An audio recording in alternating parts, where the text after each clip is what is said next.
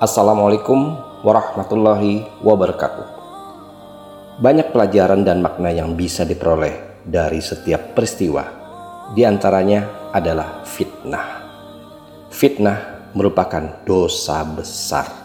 Termaktub dalam banyak riwayat dan juga diwanti-wanti Al-Quran agar tidak dilakukan oleh seorang muslim.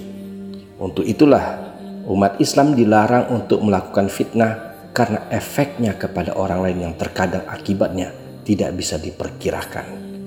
Bagi mereka yang melontarkan fitnah dan tidak terbukti, maka ia akan terkena hukuman dan kesaksiannya tidak boleh diterima untuk selama-lamanya.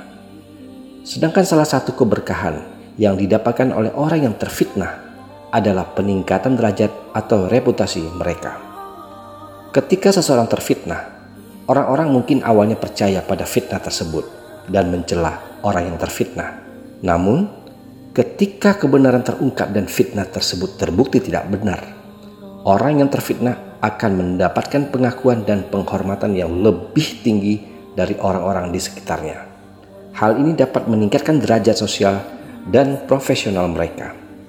Ingatlah, namanya hidup tidak selalu mulus dan satu hal yang tidak bisa dikontrol adalah ucapan orang-orang di sekitar kita.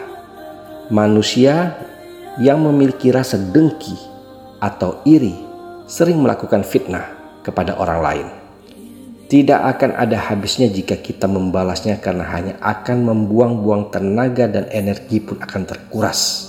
Alangkah baiknya membacakan doa saat difitnah agar hati tenang dan pikiran pun menjadi jernih.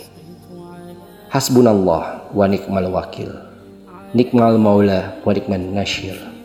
Cukuplah bagi kami Allah sebagai penolong dan dia adalah sebaik-baik pelindung. Insya Allah, ayat ini menambah kekuatan dalam hati bagi yang terfitnah bahwa segala fitnah yang menimpa akan dihilangkan oleh Allah karena dialah yang maha kuasa. Wabillahi taufiq wal hidayah. Wassalamualaikum warahmatullahi wabarakatuh.